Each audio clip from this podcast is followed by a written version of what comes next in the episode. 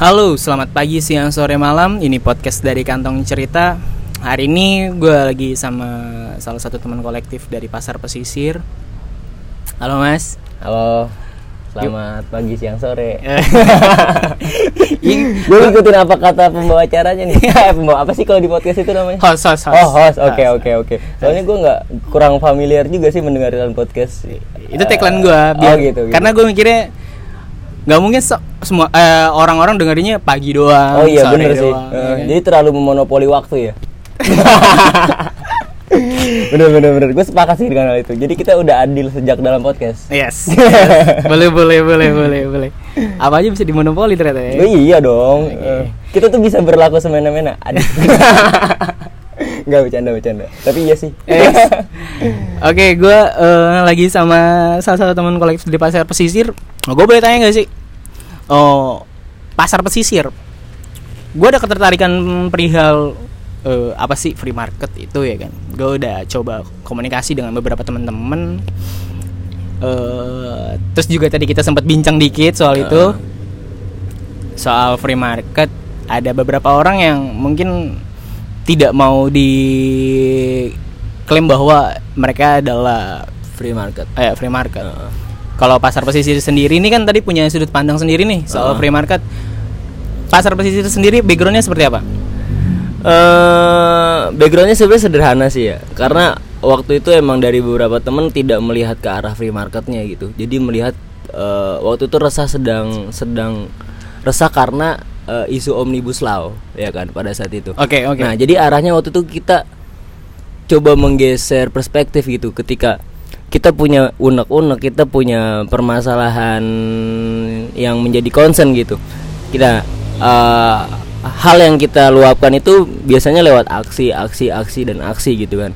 Demo demo demo dan demo. Dan sementara eh kalau kita mau sadar betul gitu bahwa ya selama ini memang ada desakan di jalanan tapi ada ada hal-hal konkret yang sebenarnya kita bisa ubah gitu dari dari faktor internalnya gitu Hmm. eh nggak internal juga sih jadi di- dari dari hal lain gitu kan Hmm. Eh, makanya di di pasar pesisir ini yang mungkin bisa kita lihat sendiri gitu ada jar jargon yang mungkin nggak nggak nggak seperti jargon yang ada di free market free market lain gitu kan Yep. Ya, di situ kita coba mengedepankan bahwa ah, apa namanya ada hal yang lebih konkret yaitu adalah sikap sih ya kan Hmm. Eh, di di pasar pesisir itu ada jargon eh, sebab rasa tidak cukup saatnya unjuk sikap gitu jadi selama ini kita kayak menghabis nggak menghabiskan waktu kayak apa apa bahasanya kayak eh, memfokuskan suatu isu lewat unjuk rasa unjuk rasa dan unjuk rasa gitu Ya, turun di jalan. nah Ah, ah. padahal ada ada hal-hal yang lebih eh, real gitu yaitu adalah menunjuk unjuk sikap. Apa sikap yang kita bisa bangun menghadapi isu dan masalah yang ada gitu. Ya udah pada akhirnya ya udah kita coba turun langsung ke masyarakat. Tapi ini tidak melihat background free market itu ya secara Hmm. secara general. secara general, Nah, hmm. ya udah kita akhirnya turun ke masyarakat kita lihat satu eh, apa namanya satu wilayah atau iya satu wilayah yang ada di Jakarta yang jauh sekali dari kata sejahtera dan lain lain lain- dan lain sebagainya gitu ya udah akhirnya kita ke sana dan membuat kegiatan seperti itu Oke, kalau gitu. Dan gue tertarik sama, gue kan sempat sempat survei dulu, gue sempat survei akun Instagramnya, gue sempat survei eh, orang-orang yang terlibat di dalam situ gitu. Di sini gue baca dan eh, biasanya gue nemuin tuh misalnya kayak ruang bebas uang. Eh, konsep ruang bebas uang. Itu nanti gue bisa bicarain lagi tuh sama Ah. teman-teman dari ruang bebas uang. Hmm. tapi di sini gue malah nemuin satu kata-kata yang kayak ruang bebas kreasi. Ruang bebas kreasi itu maksudnya apa? Eh sebenarnya eh, apa ya ruang bebas kreasi pun ak- juga di- dilakukan di beberapa kolektif ya Mhm. entah itu ruang bebas uang, pasar gratis, perpustakaan jalanan Hmm. gitu kan yang ada di berbagai daerah di Indonesia dan eh, sebenarnya pasar pas ini mengemas sih, mengemas mengelaborasikan beberapa konsep yang ada di beberapa gerakan kolektif dengan cara yang lebih apa ya, lebih menyenangkan dan lebih asik gitu. Jadi ketika datang ke sana ya udah kita coba yang kita ratapi malah bukan kesedihannya Oke, oke.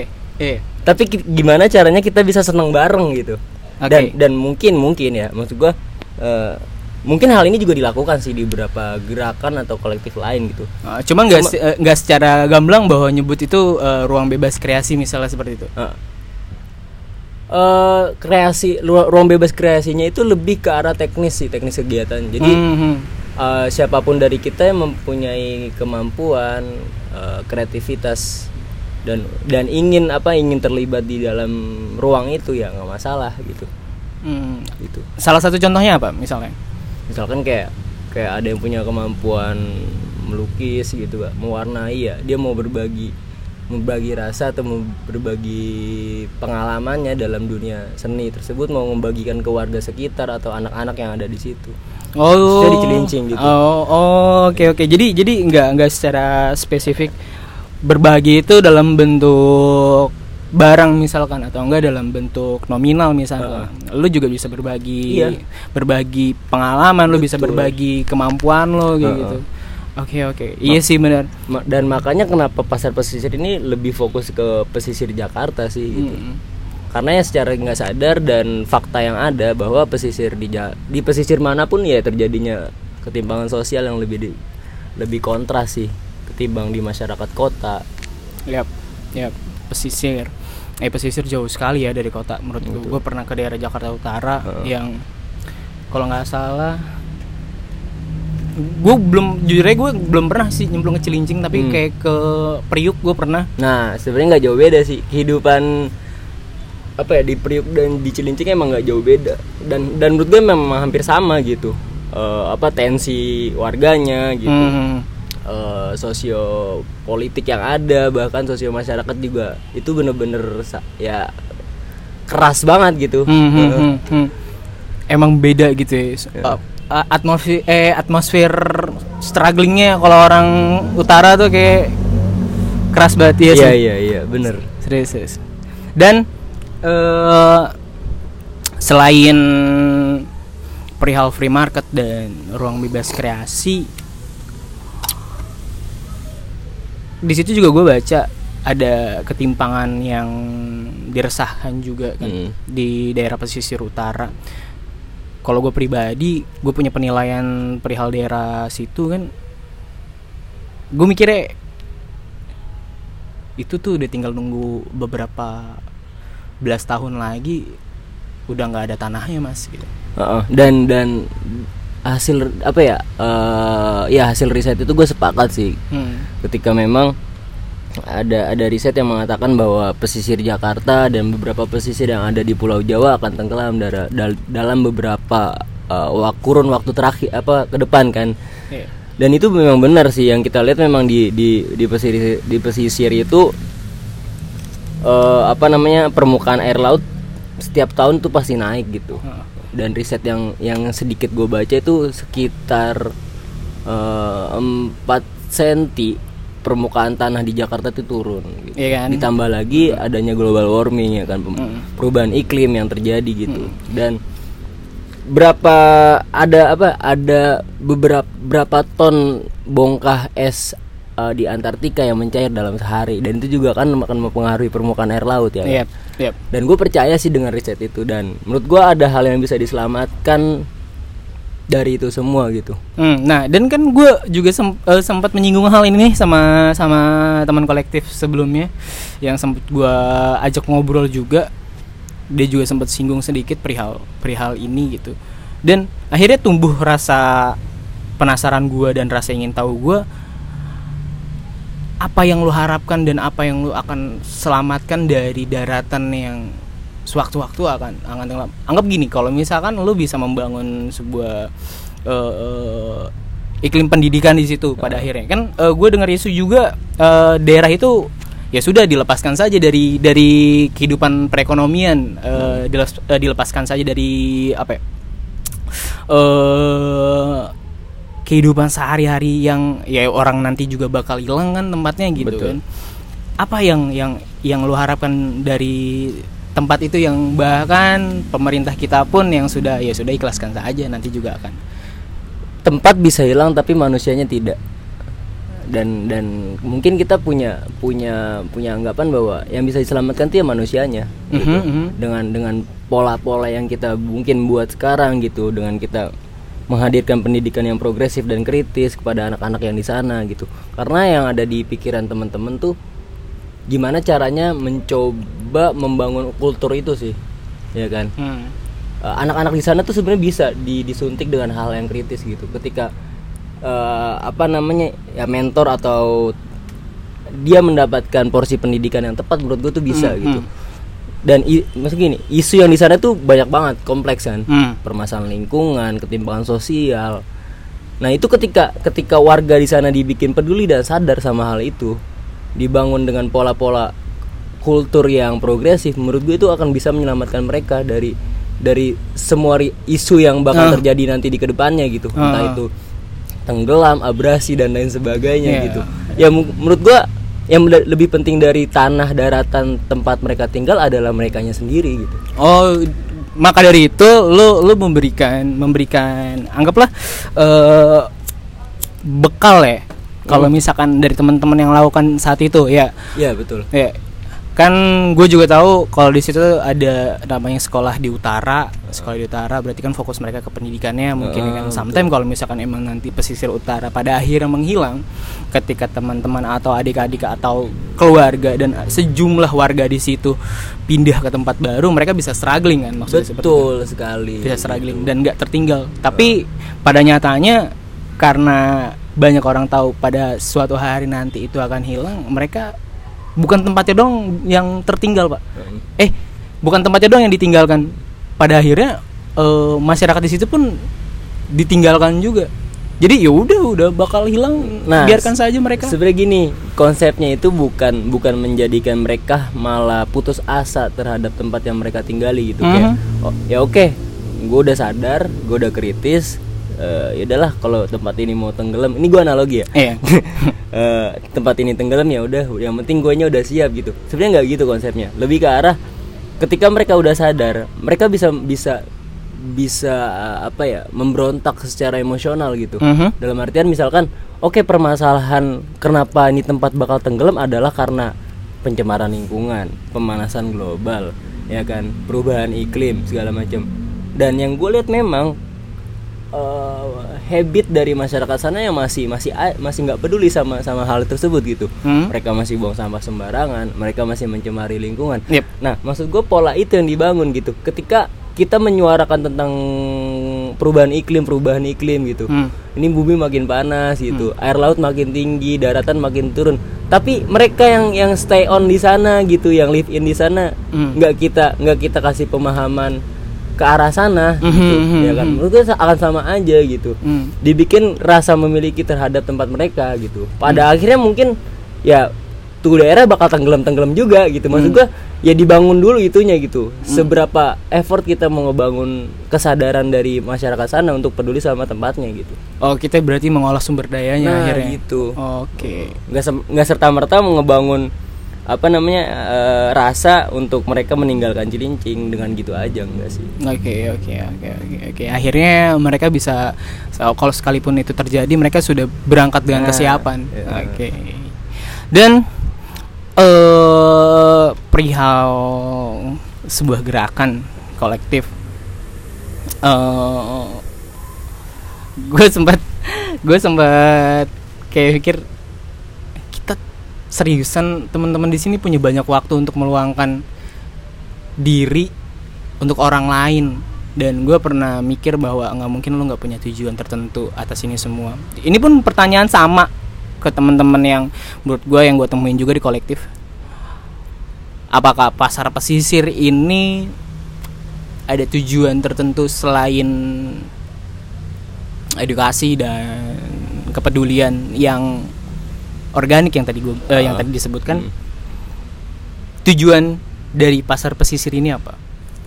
eh berangkat dari kesenangan aja sih sebenarnya. Karena kan tadi yang dibilang di awal mungkin eh, ya adanya movement ini sebagai wujud gimana caranya mereka yang sedih kita ubah menjadi mereka yang senang dan bahagia gitu kan. Yep. Eh, tapi dengan caranya kita gitu Yep. ya kan. Eh dan framing itu diubah dengan dengan tadi. Pola pendidikan yang progresif mereka sadar sama kebutuhan mereka mereka sadar sama kapasitas mereka gitu kan. Ya, akhirnya kan teman-teman juga sekarang sedang membangun suatu ruang kolektif juga di sana kan Eh, rumah baca gitu atau rumah kreatif Eh, rumah baca kolong jembatan. Jadi arahnya sih emang tadi masyarakat yang nggak sadar ini bisa lagi lebih sadar sama daerah mereka. Oh, dan lebih. mereka bisa bisa berdaya sih gitu. Karena emang sejujurnya ya Cilincing mungkin pesisir utara permasalahan yang paling prinsipil ada perma- permasalahan finansial sih. Hampir semua orang. Hampir semua orang. Hampir semua iya. ya mungkin itu akan dirasakan semua orang. Tapi Hampir yang semua orang. yang gue lihat di sana ya ya itu sih gitu.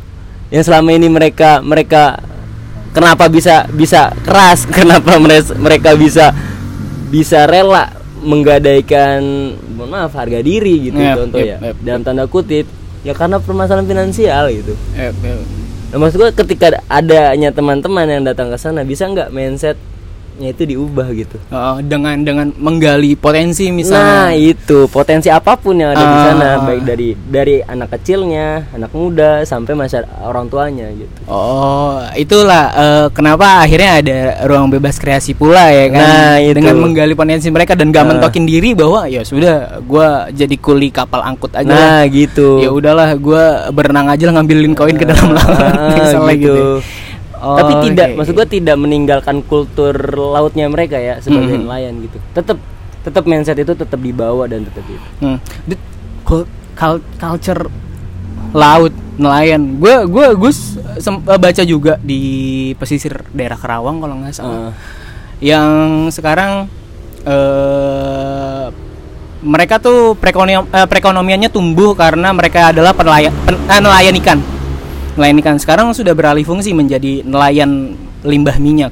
Oh, nah fenomena itu juga ada di di Cilincing. Ada di Cilincing. Ada, ada nelayan sawit namanya. Nelayan Jadi dia, jadi yang lucu dan ini di- ini baru gua dapetin sih sebenarnya Hmm. fenomena-fenomena nelayan yang ada di Jakarta dan ini baru gua dapetin gitu. Hmm. Ada nelayan yang mengker, apa kerok sisa-sisa limbah sawit yang ada di kapal-kapal tongkang gitu. Oke. Yang mereka cari ternyata bukan ikan, Oke. tapi adalah sisa limbah minyak sawit yang ada di apa namanya di kapal-kapal tongkang yang bersandar di Teluk Jakarta gitu. Dan itu diolah jadi minyak sawit lagi. Heeh.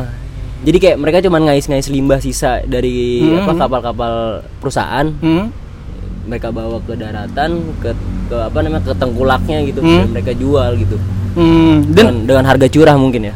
ya pasti mas, Hmm. karena itu sudah jadi limbah kan. Iya. Makanya tadi gue bilang limbah. Pun itu gue temuin di pesisir Kerawang karena yang yang tadinya biasanya tengkulak itu nimbang jumlah ikan, Ikan. sekarang nimba nimbang jumlah. Nah, Eh, menurut gue gini, itu hmm. ada kesadaran sih yang dibangun sama mereka kenapa mereka memutuskan untuk menjadi nelayan sawit atau minyak tadi kan. ya, Pertama, mungkin mereka sadar bahwa penghasilan ikan mereka menyusut. ya, Nah, apa yang membuat membuat hasil apa hasil tangkapan ikan mereka menyusut? Itu banyak faktornya, Mas. ya ya, kan? ya. Mulai dari reklamasi Teluk Jakarta, ya kan. Yep. Ya kan? Terus mulai dari pencemaran limbah, ya kan. Sama eh, apa namanya? eh, lebih menarik apa mereka lebih ya secara finansial mungkin eh, mereka me- mengkomparasikan kan hasil pemba- hasil hasil tangkapan ikan dengan hasil mereka ngeruk apa Eh, limbah. sisa- iya limbah sawit itu dan mereka mungkin lebih tertarik di sana gitu Hmm, dan karena emang ya mungkin emang sudah di beberapa eh, laut di Jakarta yang udah nggak ngasilin ikan ya kan? betul dan dan sekalipun mereka mau menghasil apa mendapatkan ikan yang fresh dan terbaik ya mereka harus Hmm. Lebih ke tengah ya lagi. lebih ke tengah lagi dan merogoh kocek yang lebih besar itu kosnya Oke, untuk mereka melaut Oke oke oke. Tapi pasar pesisir sendiri eh, ada ada tujuan campaign ke arah lingkungan juga nggak sih? Karena kan sejatinya mereka ini kan adalah anak nelayan, adalah nelayan gitu. Heeh.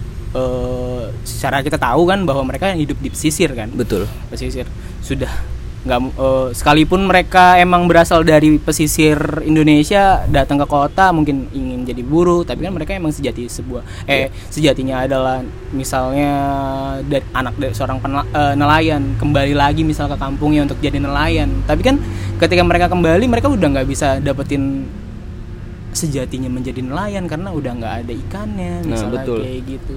Dari Eh, mas sendiri nggak? Gue gue gue mas maksud eh, yang gue bicarain tadi tuh eh, pasar pesisir sendiri ada campaign perihal lingkungan di pesisir utara sendiri nggak?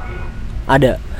Yang yang jelas gini eh apa namanya karena emang yang kita lihat dan kita sorot adalah permasalahan limbah gitu. Hmm. ya dan permasalahan lingkungan yang udah udah carut marut lah lingkungan di sana gitu kan. Ya pasti arahnya akan ke sana gitu. Hmm. akan akan mengedukasi warga anak-anak remaja di sana untuk peduli sama lingkungan mereka tempat tinggal gitu Hmm. ya kan karena gimana pun kalau lingkungannya rusak ya lu juga akan rusak gitu kan Hmm. lu nggak bakal bisa berdaya nggak bakal bisa sejahtera ketika lingkungan yang tempat lu mencari eh, apa penafkahan uang itu rusak gitu Hmm. karena gue gini mas gue pernah pernah ikut terlibat dalam eh, aktivitas mereka gitu ke laut ya Hmm. dan itu bener-bener ironi ketika yang mereka tangkap itu mayoritas adalah sampah Ai. mereka menjaring ikan tapi pas setelah dijaring yang mereka dapetin itu sampah Eh. persentase sampah dan ikannya itu bener-bener 50-50 mungkin Oke. dan yang lebih ironinya lagi setelah mereka mem- apa memilah sampah dan ikan sampahnya dikumpulin dan buang dibuang lagi ke laut Oke. dari situ gue kayak ngenes gitu aja sih kayak ngeliat lah kok mereka asal mereka sadar ya Eh, eh, ini gara-gara sampah ikan mereka dikit gitu Eh. kan tapi mereka buang lagi ke laut ya Ya mereka nanti bakal bakal dapet jaring lagi sampah itu yang mereka buang. Tapi menurut gua bisa jadi mereka punya pemikiran kayak gini. Kayaknya bukan gue yang buang sampah di sini. nah itu Ya kan? Kayaknya bukan gue yang buang Nah, sampah di sini. kesadaran itu yang mereka belum dapat kan, Hmm. bahwa aktivitas mereka membuang sampah yang bukan yang menurut mereka itu bukan mereka ya pada Hmm. pada pada kenyataannya mereka juga yang membuang gitu. Karena menurut gua manusia itu punya prinsip alami seperti kayak gua nggak akan bertanggung jawab sama per- perbuatan yang bukan yang gua lakukan Ah. gitu kan. Dan gua nggak mau bertanggung jawab pula dengan penyelesaiannya. Betul. misalnya kayak gitu kan itu udah alami terjadi pada semua orang menurut gua kan M- makanya mungkin dia melakukan hal itu oh jadi teman-teman pasar pesisir akhirnya mengedukasi juga uh, Iya. perihal itu kepedulian lingkungan juga dengan Sebenarnya ini langkah ini belum sih belum dilakukan, cuman Oh. akan sih ke depannya. Uh, karena itu lu uh, krusial sekali sih kan Iya. karena kalau bicara soal kita mau mengedukasi peduli lingkungan itu kayak bumerang Betul. langsung balik ke diri sendiri Balik ke diri sendiri. Makanya yang tadi dibilang di awal gimana caranya mem- memberdayakan, menyadarkan figur-figur yang terlibat di dalamnya dulu sih. Mhm. itu itu hal paling krusial menurut gue dalam Hmm. gerakan karena apa gue bicara jujur aja banyak kok gerakan yang berangkat dari ketidaktahuan cuy iya ya kan Iya. orang cuma sebatas ikut-ikutan Iya. mereka nggak paham tentang esensi dari gerakan ini sebenarnya itu apa sih poinnya gitu Iya, iya. visinya apa gitu ya kan dari rasa penasarannya aja nah ingin cuma tahu seba- aja ba- bahkan cuma sebatas gabut gitu Hmm. mengisi waktu luang dan menurut gue itu itu oke sih cuman eh, edukasinya tetap berjalan Hmm. tetap harmoni gitu beriringan dan Itu gue sih. juga eh, iya sih beberapa kali karena ada sejumlah teman-teman juga teman gue gitu maksudnya di pasar pesisir yang sering upload kegiatan mulai dari ada ternyata ada temen barista yang ngajarin bikin kopi. Heeh. kalau yang tadi lu bilang kan ada yang ngelukis gitu misalkan bahkan ada ada sablon juga. Hmm. dan eh, lagi ngebangun rumah baca ya? Hmm, betul. Literasi di Indonesia kan kecil mas Nah itu. Sebenarnya kalau mau sadar atau enggak ya itu. Semua bermula dari minatnya rendah apa literasi cuy? Iya. Rendahnya literasi di Indonesia yang benar-benar Itu benar-benar berdampak sih di kehidupan kita. Eh primer dan sekunder. Misalnya gini kalau misalkan gue bilang rumah baca itu adalah sekundernya kan? Yang primernya itu adalah eh kesadaran diri. Heeh. kalau lu udah nyiapin rumah baca Ya, ada betul. buku di dalamnya Ya. tapi lu nggak punya minat diri untuk baca buku itu bakal jadi pos ronda nanti. Bahkan cuma tempat main catur ya kan? Berarti PR temen-temen yang yang yang paling paling nomor satu berarti eh, membangun ini ya eh, kesadaran dirinya dulu berarti. Betul. Itu sih yang paling pertama gitu. Wow, Gitu. wow. Karena ya suksesnya sebuah gerakan ya itu. Mm-mm. Figur-figurnya dulu nih harus digodok bahasanya gitu kan. Yes, iya, iya, Ya kan? iya. Kalau figur-figurnya akan ya gitu-gitu aja ya akan gitu-gitu aja gerakannya gitu. Pasar seki pasar pesisir dan sekolah di utara itu adalah dua wadah yang berbeda atau memang satu simpul? Sebenarnya dari dari segi nama ya nama berbeda pasti dan keanggotaannya mungkin gini keanggotaan gue gue agak-agak sanksi ngomong keanggotaan. Apa ya Hmm. dari segi bahasa yang enak tuh apa ya ya intinya dia berbeda lah dua entitas yang berbeda tapi Hmm. saling bersinergi gitu Hmm. untuk membangun cirincing itu Hmm, karena Gitu. jarang juga nemuin di satu daerah ada dua kolektif yang yang yang eh bergelut sama isu itu, Ah. ya kan? Ber- lu sama anak sekolah di utara berarti kan di satu isu yang sama kan ya, satu isu Iya. yang sama. Eh basicnya pun nggak jauh beda tentang pendidikannya, Hmm. ya kan, tentang pola hidup mereka di sana dan kesiapan mereka nanti kalau dengan adanya isu-isu yang menyebar luas lah tentang abrasi dan sebagainya kayak gitu kan. Tapi kenapa harus ada dua dualisme iya. jadi ini bukan dualisme sebenarnya udah membagi tugas sih gitu jadi kan membagi apa ya eh, fokus ya kan kalau kalau pak sekolah di apa sekolah di utara ya fokusnya akan ke pendidikan mereka gitu kan Yap. pengajaran itu mungkin akan mengentaskan permasalahan pendidikan yang ada di sana gitu cuman ya harapan dari teman-teman mungkin bisa bisa dikembangkan lebih ke arah pendidikan yang progresif gitu dan maksud gue ide-ide segar yang datang dari lu- luar tuh bisa diterima juga gitu dan bisa diimplementasikan ke arah sana gitu Oke. Nah, kalau untuk pasar pesisir sendiri mungkin lebih ke arah ekonomi kreatif, minat bakat yang ada di masyarakatnya sana. Dan pada akhirnya semua itu akan di apa namanya bisa di manage sama masyarakat sana gitu. Hmm, oh jadi jadi ini adalah eh, ibaratnya adalah slot masing-masing lah ya, anggaplah intinya gitu. intinya dua dua entitas ini udah punya slot masing-masing gitu. Oke, kalau dianalogikan berarti ada relnya, ada lokomotifnya, ada Hmm, gerbongnya. Betul betul. Oke, oke, oke. Em, sebenarnya sih banyak yang mau gue tanyain mas perihal mulai dari free marketnya, mulai dari campaign dan tujuannya. Hmm. Tapi gue penasaran dengan free market berarti pasar pesisir ini adalah bisa dibilang free market. eh ya bisa juga dibilang free market karena kan secara teknis kegiatannya kita apa namanya tidak adanya rupiah atau uang yang kita tukar gitu dari semua kegiatan. Kadang rancunya sama kontekstualnya, bukan bukan Kenapa kenapa? Rancunya sama konteks misal gini eh ada yang gua gua bukan free market tapi lu lu misalkan ya gua free market eh gini, gue nggak bisa menyuara, gue nggak bisa bilang ini sebagai suara pasar pesisir ya. Tapi gue ini, gue bilang di sini sebagai suara gue. Mm-mm. Jadi gue bilang ya terserah aja gitu. Mhm. Apa mau itu dibilang free market kayak atau gerakan apa? Ya intinya eh apa namanya nggak nggak nggak usah terbentur dengan permasalahan seperti itu sih. Oke oke ya kan? oke, oke. Takutnya nah, takutnya hal itu yang akan menjadi perdebatan-perdebatan. Dia kata itu permasalahan cuman ya masalah gitu aja kok dibesar-besarin gitu. Tapi tapi apa ya konteks kegiatannya ini yang harus benar-benar di, di- digaungkan gitu. Oh, Jangan sampai menyuarakan Oke, oke, oke. permasalahan yang prinsipil men- memperdebatkan hal itu tapi ya esensi dari gerakannya ini yang malah pudar. Hmm, karena kenapa gue nanyain kayak gitu tuh takutnya itu jadi skat sih Nah, nah itu sebenarnya pertanyaan gue kenapa gue bilang pertanyaan itu sederhana? Kalau jawaban lo kayak tadi kayak gitu pun gue akal gue terima apa pun jawabannya. Karena menurut gue ditanamkan lu harus seperti apa dan jadi apa pelopornya dari mana dari betul. dari negeri mana kan tujuannya ini kemanusiaan ya kan Betul. kemanusiaan itu aja sih gue pengen ada orang yang menjawab bahwa eh, kayak lu tadi I don't care sama itu Iya. jangan sampai itu jadi sekat itu sih. Betul. Nah, karena yang takut yang ditakutkan adalah adanya polarisasi itu sih. ya Ya oke kan? oke Kita menggaungkan non hierarki, Mm-mm. mem- apa namanya?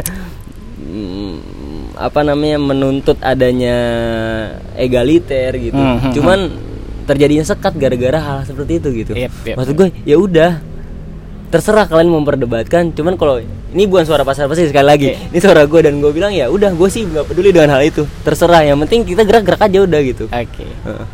Mau ini free market kini apa kayak bebas lah. Oke. Oke, kita sudah sampai di menit-menit terakhir nih, Mas. Tapi belum selesai ya. Hmm. Jadi gue bakal kasih lo quick question. Ini dijawab boleh satu kalimat padat atau lo boleh jabarkan secukupnya. Heeh. Ada tiga poin, eh ada tiga pertanyaan. Gerakan akar rumput.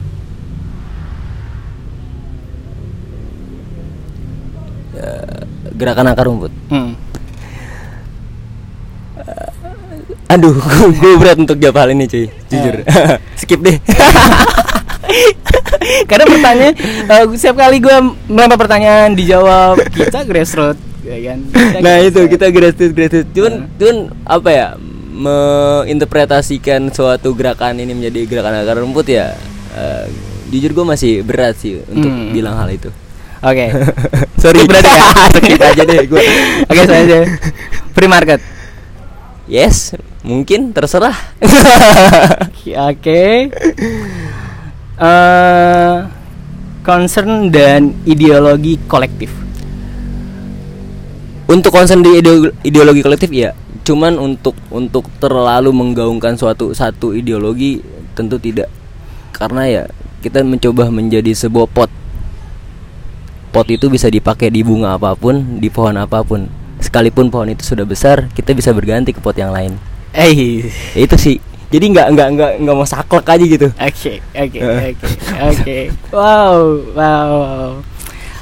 Oke dari gua, gua nggak nggak nggak ada closing statement sih. Heeh. Tiga sorry ya yang gerakan akar rumput nggak gue jawab Gak apa-apa, gak apa-apa kalau nggak ada kapasitas untuk menjawab hal itu. Ini cuma sebuah pertanyaan kan. Semua orang punya hak untuk tidak menjawab sekalipun.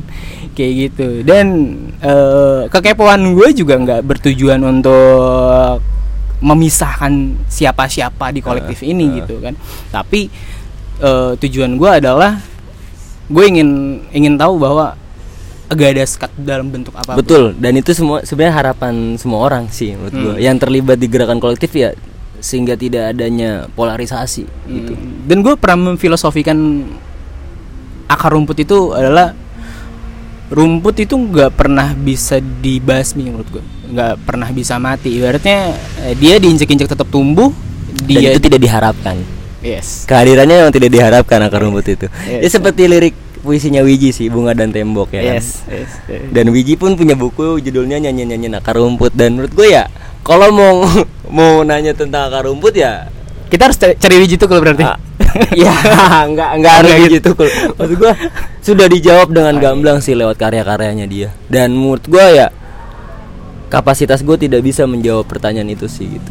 Karena mungkin mereka-mereka yang di luar sana yang sudah lebih jauh dan mempunyai kapasitas yang lebih besar untuk menjawab pertanyaan itu. Oke. itu hal itu menurut gue pertanyaan yang paling filosofis sih. Iya, iya, iya, Oke, Mas dari Pasar Pesisir, eh, sip. boleh kalau mau kasih closing statement lo mau mau menyampaikan sesuatu atau emang ada sebuah acara atau ada sebuah kegiatan nantinya di Pasar Pesisir atau di apa namanya sekolah di utara boleh disampaikan. Eh, mungkin mau nyampein aja eh, kami masih berproses kami masih terus mencoba untuk mm, apa namanya mengeluarkan semua hal yang kami bisa untuk mewujudkan eh, rumah baca pesisir yang nantinya akan menjadi ruang krea- kreatif ruang kolektif buat teman-teman gerakan apa pun yang akan terlibat di Cilincing atau di pesisir Jakarta gitu. Dan dan tujuannya eh, untuk eh, masyarakat sana kami masih terus bergerak eh, mohon doa support dukungannya gitu untuk agar bisa merealisasikan rumah baca ini gitu dan mungkin eh, untuk teman-teman semua kawan-kawan solidaritas yang di mana pun berada eh, tetap bergerak gitu jangan putar balik Guys, jauh ya. jangan putar balik soalnya jauh putaran balik tetap jalan aja Siap, siap, siap. Oke, terima kasih. Ini podcast dari Kantong Cerita. Selamat mendengarkan.